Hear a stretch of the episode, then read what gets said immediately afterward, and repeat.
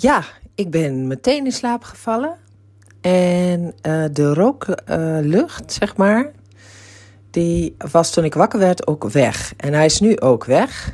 Um, hij was nog wel heel even weer, uh, kwam die voorbij vanochtend toen ik dacht van... hé, hey, ik rook de, ruik de rooklucht niet meer. Maar toen ik dat ook weer losliet, zeg maar, toen was het ook weer weg. Dus het zal ook wel iets van psychisch of zo zijn.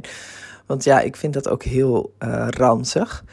Um, sigarettenlucht en zo. Uh, het is niet zo dat ik daar echt gewoon... Uh, nou, dat ik iets van een tegen, daar iets tegen heb. Of, ik bedoel, ieder mens moet zelf weten of hij wil roken. Ik heb er alleen nooit iets mee gehad. Dus, uh, maar ja, ik, uh, ik ben dat weer kwijt. Dus ik hoop dat het een tijdje weer wegblijft. Want het komt nog wel eens weer terug. En uh, ja, ook weer een belevenis op zich. ja, dus uh, ik ben in slaap gevallen en uh, de rooklucht is weer weg.